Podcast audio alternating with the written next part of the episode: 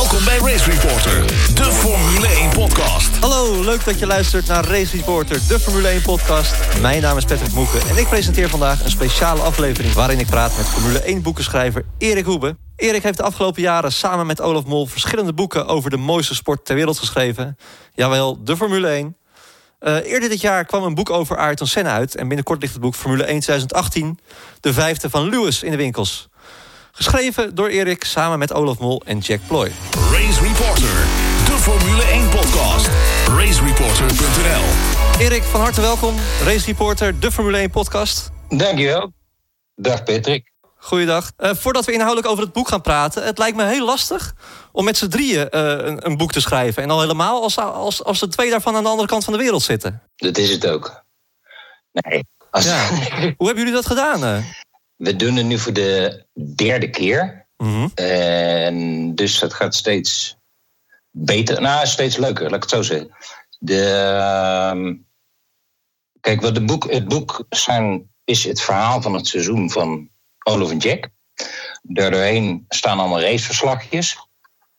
En wat het spannendste eigenlijk is om dat boek te maken, is het einde van het seizoen. En dat je dan het liefst ook nog met Sinterklaas in de winkel hebt. Nou, dat tweede, dat kan bijvoorbeeld al niet. Hoeveel tijd zit daartussen? Een week of twee? Normaal, als je een manuscript voor een boek inlevert, is dat twee tot drie maanden voordat het in de winkel ligt. En nu ging het binnen drie dagen na het seizoen naar de drukker. En vandaag is het klaar. Volgende week dinsdag geloof ik ligt in de winkel. En dat betekent dus dat je... Het is extreem kort. Maar goed, dat boek dat schrijf je natuurlijk niet na het seizoen. Dus de, eigenlijk is de crux, en dat bedoel ik het, of niet zozeer leuker, dat gaat elk jaar beter. Je kan heel veel dingen goed plannen. Die moet je verschrikkelijk goed plannen. Maar een aantal dingen wordt pas in het jaar duidelijk wat dan het verhaal is. En dat, om dat in het boek te krijgen en op tijd, dat is puur uh, heel hard werken in oktober en november. Punt. Ja. Want dan, dan, moet, dan komen de meeste. Dus je kan in het begin van het seizoen een beetje beschrijven wat er gebeurt. Um, maar de, ja, het kampioenschap, de ontknoping van het silly season. Dat is wat er naast het baan uh, natuurlijk het spannendst is. Ja. Voor veel fans. Uh, dat kun je pas ja, oktober, november schrijven. Dus je kan veel plannen. En voor de rest uh, aan het einde heel hard werken. Uh, je noemt het net al, hè, het Silly Season. Jack, Jack Ploy, de mede-auteur. Ja. Die heeft daar een heel mooi hoofdstuk over geschreven. Hè, over wat, wat er zich allemaal heeft afgespeeld afgelopen seizoen. Ja. ik, ik, heb het, ik heb het gelezen met heel veel interesse. En ja, ik durf toch wel van mezelf te zeggen dat ik de Formule 1 goed, goed volg. Maar er stonden toch wel. De mensen. Ja, ja, ja, er stonden toch wel veel, veel dingen in die, die ik ook nog niet wist. Wat wist je bijvoorbeeld nog niet? Uh, nou, bijvoorbeeld over dat uh, Marchione uh, Rijkoon al naar Frankrijk wilde vervangen. Dat dat te tegen is gehouden voor Leclerc. Mm -hmm. Rijkonen zou daarna ook geïnformeerd hebben bij McLaren voor een stoeltje. om daar even verder op in te haken. Het was en het is misschien nog steeds wel een zootje hè, bij Ferrari. Ja, een zootje, er speelt veel. meer, meer dan ze lief is. En wat belangrijk is geweest voor het jaar, los van dat Sebastian Vettel wat fout heeft gemaakt, is dat uh, Sergio Marchioni, de opperbaas, die had al een deal gemaakt met Leclerc en die wilde hem ook al in de auto hebben dit seizoen. En toen zei het team van, nou, laten we dat nog even niet doen, dat gaat te snel. En dat is ook niet goed voor Leclerc. Ik bedoel, laat die jongen rustig komen. En, uh, maar er was dus wel een contract. In ieder geval voor 2019. Toen eind juli, 25 juli, overleed Marchioni. En daarna heeft Arriva Bene, de teamchef, gezegd van nou, laten we even dingen laten zoals ze zijn. Rijkonen blijft gewoon hier. Leclerc komt nog even niet. Uh, en zo wou hij verder. En toen kwam Leclerc en met name zijn zaakwaarnemer Nicolas Tot, zoon van de, de grote kleine baas Jean Tot. Die Nicolas is ook heel klein trouwens, zag van de week. Uh, en die heeft gewoon afgedwongen van ja, nee, er is een contract met Leclerc, dus dat gaat er gewoon gebeuren. En dat heeft geduurd tot en met vlak voor de Grand Prix van Italië.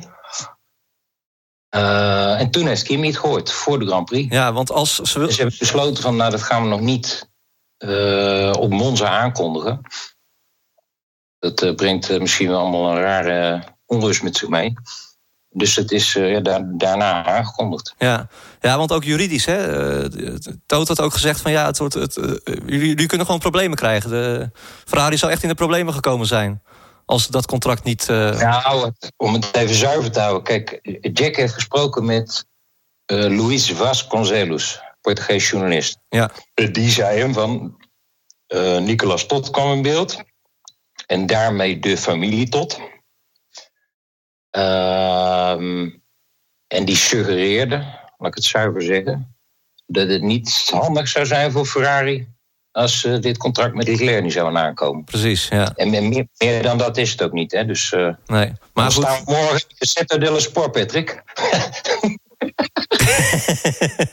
nee, ja, klopt. Het is, dat, dat is inderdaad, het heet niet voor niets uh, silly season. Maar het is ook weer niet volledig uit de lucht gegrepen natuurlijk. Het is wel van een, journalist die al jaren meeloopt, hè? Ja, en dat, dat de familie tot iets te vertellen heeft in de, in de racerij, laten we het zo maar even zeggen. Nou nee, in de Formule 1. Uh, uh, ja, dat, dat, is, dat is niet vreemd. Helder, in datzelfde hoofdstuk uh, stonden ook wel wat aardige dingen over Renault, vond ik. wat me opviel, dat was wat je er eigenlijk uit kon opmaken... dat Renault Ricciardo heeft gehaald, ook vooral om Red Bull een hak te zetten. Dat, is, dat is ook wat, wat Louis zei. Ja. Ons vriend. Die heeft ons ook geholpen met het Senna-boek. Dus die, die vindt het wel mooi om, om zijn ervaringen en verhalen te delen. En wat hij een aantal keer. Ik heb dat interview, of daar heb ik de hele audio van, wat hij daar een aantal keer in noemt. Van nou, Red Bull die wilde, of Renault. Uh, in het Engels, wants to harm Red Bull. En dat is voor, nogmaals zijn suggestie, voor wat er uh, de afgelopen jaren. Ja, Red Bull heeft heel veel Renault publiekelijk gewoon afgefakkeld. En ja, daar kun je van vinden wat je vindt, maar dat Renault er niet blij mee was, ja, dat kan iedereen zich wel voorstellen. Ze zijn er ook vier wereldkampioen mee geworden. Precies. Maar ja, dat, ook toen was die Renault-motor niet top, hè? Ze, althans, dat, dat, dat, die verhalen hoorde je. Ja, maar ja, goed. Ze zijn kampioen geworden en je, wordt, je wordt samen kampioen en je verliest samen. Maar in ieder geval, wat, wat, er was toen, dat kon je ook lezen, ergens een verhaal. Uh, Adrian Newey samen met Renault praten. Precies, dat stond ook in hetzelfde stuk inderdaad. Ja, ja dat kun je andersom, of dat kun je ook uitleggen als Renault wilde Adrian Newey bij Red Bull weghalen. Je kan elk verhaal spannend maken als je zelf wil. Ja, maar, ja, het staat in jouw boek, uh, Erik. Ja, nee, nee, en dit is. nee, maar dit is ook letterlijk wat hij vertelt. En ik, het, het klinkt me ook, ook, ook niet raar. Uh, en uiteindelijk, ja, inderdaad, Ricciardo. En wil je een verklaring waarom. Uh, veel van mensen vragen zich af waarom gaat Ricciardo hemelsnaam naar Renault? En nou ja, Renault die dacht met een hoop geld pakken we hem af. Want hij is een, een van de beste rijders van de paddock en die zit dan niet meer bij Red Bull. Of ze bij Red Bull mee zitten, ik vraag me af. Want die hebben nog een goede jongen rondrijden. Ja, nee. precies. Maar de, dat heeft wel ja, veel bepaald. Want ja, er, is heel veel gebeurd in de dagen rond Hongarije. Uh, en dat is voor een deel te verklaren uit ja, rare moves van Renault. Absoluut. Helder. Uh, ik zou zeggen tegen de luisteraars: ga het vooral lezen, want er staan nog heel veel andere. Uh, nou ja, leuke ger geruchtjes wil ik het niet noemen, maar leuke, leuke verhalen in ieder geval in. In datzelfde hoofdstuk. We maken een klein sprongetje naar de samenwerking tussen Honda en Red Bull. Een ander uh, belangrijk verhaal van afgelopen seizoen. Volgens mij was het Olaf hè, die daar een hele mooie uh, reconstructie van heeft gemaakt... hoe die uh, samenstand, samenwerking tot stand is gekomen. Ja, mm -hmm. hij heeft met Helmut Marco erover gesproken. De, het is nou officieel, de, de, hij is een adviseur. Hè, ja. Gewoon de adviseur van het team, ja. teamadviseur. Eigenlijk, eigenlijk gewoon de, maar hij heeft het wel voor het zeggen natuurlijk. De Red Bull topman. De... Ja, Nee, dat is mooi. Hè? Al, die, al die titels van uh, Lauda en van hem, teamadviseur, voorzitter. Ja. Maar goed, het zijn man, mannen, mannen die lang meelopen, die beslissingen nemen of medenemen. Uh, en natuurlijk een gigantisch netwerk in de sport hebben. En wat, wat, wat, wat grappig is, het verhaal en dan moeten we niet alles gaan verklappen, maar dit is onder andere Helmut Marco die letterlijk beschrijft dat hij naar Japan ging om daar een deal te maken voor Red Bull. Dus voor volgend jaar. Ja. En uh, wat daarin naar voren komt, is hoe, hoe dingen anders werken in Japan en met Japanners. En uh, hoe, hoe hij daar echt hun wel heeft moeten overtuigen om dat te gaan doen. Ja, want dat was voor mij inderdaad, inderdaad ook nieuw. Uh, ze wilden eigenlijk gewoon een sabbatical nemen, hè, Honda? Ja. Die zouden zoiets van, we, gaan, we durven het nog niet aan. Juist. En wat dan, en dat is het gesprek tussen Olaf en Marco... of dat komt naar boven, als, als, als Olaf het over... ja, soms kun je niet heel direct zijn uh, met die Japanners. Dat is wat anders dan uh, waar lompe Nederlanders af en toe doen. Of lompe Nederlanders, dat, dat, kan, of dat denkt men wel eens in het buitenland... Uh, en Marco zei, nou, soms moet je hun ook even gewoon heel duidelijk de waarheid vertellen. En dat heeft hij gedaan toen ze zeiden, nou meneer Marco, wij gaan maar uh, zo'n sabbatical nemen. En Marco, wat? Helemaal gek geworden. En die heeft toen uitgelegd waarom ze dat niet moesten doen. Uh, toen kon hij drie kwartier later alsnog naar de bestuursvoorzitter. Die hem vertelde van, nou, we gaan het doen. Alleen we hebben al een team, Toro Rosso. Dus dat wordt het fabrieksteam en Red Bull wordt het klantenteam. Nou, toen moest Marco nog een keer uitleggen dat het anders werkte. Nou, en uiteindelijk uh, konden ze met elkaar van start. Want dat, dat is natuurlijk het, uh, het goede aan het verhaal. Ze zijn al heel, of in ieder geval dit jaar, al heel lang bezig. Samen met Red Bull en Honda. Ja, ja, en ze zijn eigenlijk gewoon, dat, dat lees je ook, echt puur gebruikt als, als testteam hè, afgelopen seizoen, Toro Rosso. Uh, je zei ook, of ik las ook, uh, dat ze hebben geleerd van de situatie uh, bij McLaren. Hè? Dat, dat komt ook heel erg, erg naar voren. Ja. Ehm, aan, aan, de andere kant zie je ook veel vergelijkingen met, met die tijd. Althans, ik wil een klein beetje advocaat van de duivel spelen. Ja. bij Red Bull pronken ze best wel met het chassis natuurlijk. Dat deden ze bij McLaren ook afgelopen seizoen. Dat ze hard riepen van nou jongens, wij hebben het, het, beste, het beste chassis. Begeeft Red Bull zich ook niet een klein beetje op glad ijs? Dat het straks misschien ook toch weer alleen maar tegen kan vallen? Nou ja, kijk, de, het chassis gaat komend jaar anders worden dan nu. Althans, de voorvleugel en de achtervleugel en een beetje de zijkant. En dat is wel mooi, ik zat vandaag te lezen. Uh, dit wordt gedaan om het inhalen of elkaar dicht kunnen volgen en daarom het inhalen volgend jaar te kunnen verbeteren. Tien jaar geleden 2009, precies hetzelfde. Er zijn aerodynamische aanpassingen in de reglementen om het inhalen te kunnen verbeteren. Dus, dus dat is. Uh, tien jaar geleden was het ook. En toen ging Brown GP. Nou goed, je kent het verhaal met de winst vandoor, met de nieuwe auto. Ja. Een nieuw team. En Red Bull daar vlak achter. Ja, ja die Vettel die zat er vlak achter. Maar Button had al zoveel winst. Nou ja, dit is wel interessant. Ja. Want dat kan volgend jaar ook weer gebeuren. Uh, of dat kan elk jaar gebeuren. Maar iemand heeft een grote voorsprong toen Button met Brown, GP, met de Mercedes motor. En uh, die was aan het einde niet meer de beste, maar had al zo'n grote voorsprong. Dus werd hij uiteindelijk toch kampioen. Maar kijk, voor, voor volgend jaar, uh, of alles wat we de afgelopen twee minuten besproken hebben, is op Amsterdams, je weet het niet. Uh, wat je wel weet, is dat Red Bull aerodynamisch vaak goed is dat ze dit jaar, ik weet niet of je dat nog kan herinneren, maar hadden ze, we zijn maar liefst één week eerder klaar met ons chassis. Dat was heel groot nieuws afgelopen winter. Red Bull gaat een week eerder klaar zijn. Ja, klopt. En uh, de vraag is of ze, dat, of ze er nu weer vanaf het begin goed bij kunnen zijn. Meestal, dat weten we ook van afgelopen jaar, door het jaar heen kan Red Bull goed verbeteren. Uh, maar ja, als die motor goed blijft, als die inderdaad 60 pk meer heeft, uh, ja, dan kunnen ze leuk meedoen. Maar hoeveel pk Mercedes meer heeft, hoeveel Renault meer heeft, hoeveel nog meer Ferrari meer heeft, daar hoor je niemand over. Nee. Dus terug naar je vraag, begeeft Red Bull zich op glad ijs? Red Bull uh, roept heel veel dingen die de andere teams niet roepen. Dat is, dat is ook een observatie. Zelfs ze hebben een gro grotere mond.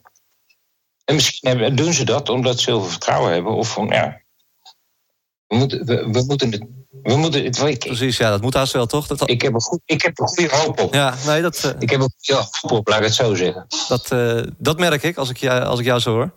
Eh, we maken even een klein sprongetje naar een ander topic... dat afgelopen jaar zeker in Nederland groot nieuws was. Namelijk die terugkeer van de Nederlandse Grand Prix, hè? Ehm, Ja, mooi hè? Ja, mooi, schitterend. Even voor de mensen thuis. Jij woont in, eh, eh, in Spanje natuurlijk. In het, eh, samen met, met ene Olaf Mol. Nou, ik woon niet samen. Ja, jullie wonen niet samen, maar jullie zijn wel hetzelfde dorp, geloof ik, hè? jullie zijn goed met elkaar, maar niet zo goed volgens mij. Je moet de paarhoek om. Ja. Precies, precies. Die Grand Prix van Nederland. daar heb je ook wel een eigen kijk op, hè, geloof ik zo. Ja, absoluut. Nou ja, kijk, het, is. Het is een jaar geleden in november dat volgens mij Chase Carey zelf, nee, Sean Bridges, de commerciële baas van de Formule 1, die eh, liet ergens optekenen: we willen naar Nederland en we willen het liefst een straatcircuit. Dus toen kwamen wij met onze geschiedenis van de, de Formule 1 demos in Rotterdam in actie van, ah, nou, we gaan kijken of dat in Rotterdam kan. Lang kort, Ja, want dat ging even, even snel tussen. Die, die heb jij mede georganiseerd, hè? Rotterdam City Racing. Ja, Monaco en de Maas. Dat was de eerste. Monaco aan de Maas. Ja, dat, Ja, Blijft, nee, dat blijft de mooiste. Daarna was het altijd Bavaria City Racing. Monaco van, aan de Maas mochten we niet gebruiken van eh, Prins Albert in Monaco. Ik kreeg een briefje. Oké. Maar toen, nee, serieus. En, eh, maar toen was, was ik al met eh, Bavaria uh, in Lieshout aan het praten. Dus we hebben geen brief teruggestuurd, maar we wisten toch wel dat de naam ging veranderen. Maar goed, in ieder geval in Rotterdam. Of ik zit in Spanje, maar ik ben op de achtergrond een beetje bij betrokken. Lang verhaal kort, in Rotterdam met het college. Dat uiteindelijk moet de politiek zeggen van ja, u mag onze straten gebruiken voor een Grand Prix. Want dan, dan, dan ligt alles uh, na een week helemaal plat en een paar weken half plat, het centrum van Rotterdam. Uh, dus daar moet uiteindelijk een burgemeester en de wethouders moeten zeggen: ja, dat is goed. De mensen die er een jaar geleden zaten, die vonden het interessant. En toen kwamen de gemeenteraadsverkiezingen. Uh, nu kan dat niet. Dus dat verhaal kan niet. Maar goed, daardoor weet je wel een beetje, we, en dat is met name Herman Famelt dan. Die sprak met uh, Herman Tielke, uh, met de grote sponsoren die logisch zijn, die hier mee te maken zouden kunnen hebben. En andere partijen van, nou, dat zou kunnen. En wat je dan op een gegeven moment, dan zie je ook, oh, eigenlijk is zo'n Grand Prix organiseren, of om in ieder geval om bij Liberty aan tafel te komen om erover te praten, uh, dat is allemaal heel realistisch. Dus dat Zandvoort en Assen zeggen wij zijn serieuze gesprek. Dat is absoluut zo. En uh, de kunst is nu dat het gaat lukken. Dat is belangrijk. En ik, ik denk dat het gaat lukken. Omdat. Uh, kijk, er wordt nu, er wordt nu onderhandeld. Als nee, maar heel simpel, hè? Als, of ik wil het niet spannend maken. Als er niet zou worden onderhandeld, dan had of Zandvoort of Assen al een bericht uitgebracht. Uh, hij komt niet naar Assen of hij komt niet naar Zandvoort. Nou, dat hebben ze allebei nog niet gedaan. Uh, Liberty heeft een paar keer aangegeven: wij willen het heel graag in Nederland. Uh, Heineken is een Nederlands biermerk. En die zijn ook heel groot in de Formule 1, dus die zullen daar waarschijnlijk ook wel wat van vinden. En uiteindelijk, en of het over geld gaat. Wat vaak zeggen ze, ja, de overheid moet bijspringen met geld. Maar waar veel mensen niet aan denken, is de inzet van politie, van uh, ambulancediensten, van. Uh, ja, er moeten heel veel mensen in Nederland moeten klaarstaan om dat feestje kunnen organiseren, los van het geld. En als ik alles overzie, helemaal vanuit Spanje. uh, ik zie het wel gaan gebeuren. En het is wel kort dag. Dus het moet wel heel snel beslist worden. Want 2020 hebben ze het, of 2020. In Nederland zeggen we 2020. Uh, ja, dat is over ruim een jaar. Ik weet niet of het dan in het voorjaar of het najaar wordt. Maar... Ja, mei hè, spraken ze over, geloof ik. Mei 2020. Dus dat is anderhalf jaar. Minder nog. Ja, maar ik denk als je... Als je dan zeggen mensen van... Uh, of Zandvoort zegt... hey, wij hebben hier de Verstappendagen. Daar komt, uh, weet ik veel, 100.000 man op af. Dan zeggen andere mensen... Ja, een Grand Prix, dat is allemaal heel, heel, heel veel groter. Nee, dat is niet heel veel groter qua publiek. Ehm, en dan moeten dingen gebeuren aan de baan en de paddock. En weet ik, maar het, hoeft niet gelijk te worden zoals in, uh, in Abu Dhabi. Ik begrijp dat het daar een miljard heeft gekost. Ja, dat hoeft niet in Zandvoort. Dus ik, ik denk dat het allemaal wel meevalt. Nou, helder. Ik, ik, weet het niet, maar ik denk, ik denk dat ze eerder naar Zandvoort gaan dan Assen. Denk ik. Ja, nou, dat is, dat, dat is ook wel gebleken, toch? Uh, als je die verhalen mag, mag geloven. Volgens mij, in mei kwam er een bericht van uh, Assen dat het 99% zeker was ja, daar. Nou, dat vond ik wel heel uh, hoog van de toren geblazen. Nee, daarom. Een maand geleden was er een brief uitgelekt die aan Zandvoort was gestuurd. Ja. Ik denk dat Liberty ik denk, of nee, het, laat ik het zo, het zou mij niet verbazen als Liberty ze tot op zekere hoogte misschien ook een beetje tegen elkaar uitspeelt. Uiteindelijk moeten ze gewoon geld verdienen, Liberty. Ja, dat is ook een goede. Ja. En, en, dan wel tot de conclusie komen van uh, uh, Zandvoort is daar het beste voor. Maar goed, ik denk om het af te sluiten, ik denk als het, als het doorgaat, zou mij niet verbazen als we dat dit jaar horen. Want het moet ook, dan moet alles ook ja, gaan gebeuren. Dit jaar nog, ja, dat is nog een... Uh... Duurt niet lang meer, hè, dit jaar. Nee, ik zit even op de, op de datum te kijken, maar dat is nog een... Uh... een week of drie, vier? Ja, nee, dat, dat schiet al op. Liberty wil het. Er zijn genoeg Nederlanders die het willen. Uh, en uiteindelijk moeten mensen, mensen of overheden, die moeten garant staan voor heel veel geld. Uh, en en ik, dat is volgens mij de hele crux. Ze moeten bedenken hoe ze dat geld allemaal terug gaan verdienen. En dat is altijd het moeilijke. Want Formule 1 zelf, die, die heeft alle, alle je, je kan kaartje verkopen en dat soort dingen. De rest doet Formule 1. Helder, Erik. Ik denk, uh, ja, dat is een mooi om af te sluiten. We blijven het volgen. Uh, nogmaals, de vijfde van Lewis, hè, het boek. Dinsdag 11 december in de winkel. Kijk eens aan, helemaal goed. Hey Erik, hartstikke bedankt. We gaan het volgen. Uh, koop het boek, zou ik zeggen. is echt een aanrader voor, uh, voor iedere Formule 1-fan.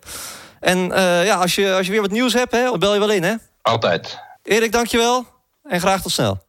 Tot zover deze special met Erik Hoebe. binnenkort zijn we bij jullie terug met de nu al roemruchte Formule 1 Awards. Hou onze sociale kanalen in de gaten. RaceReporterNL op Twitter. RaceReporter op Instagram. Kijk voor meer informatie over de awards op formule1awards.nl. Bedankt voor het luisteren en graag tot dan.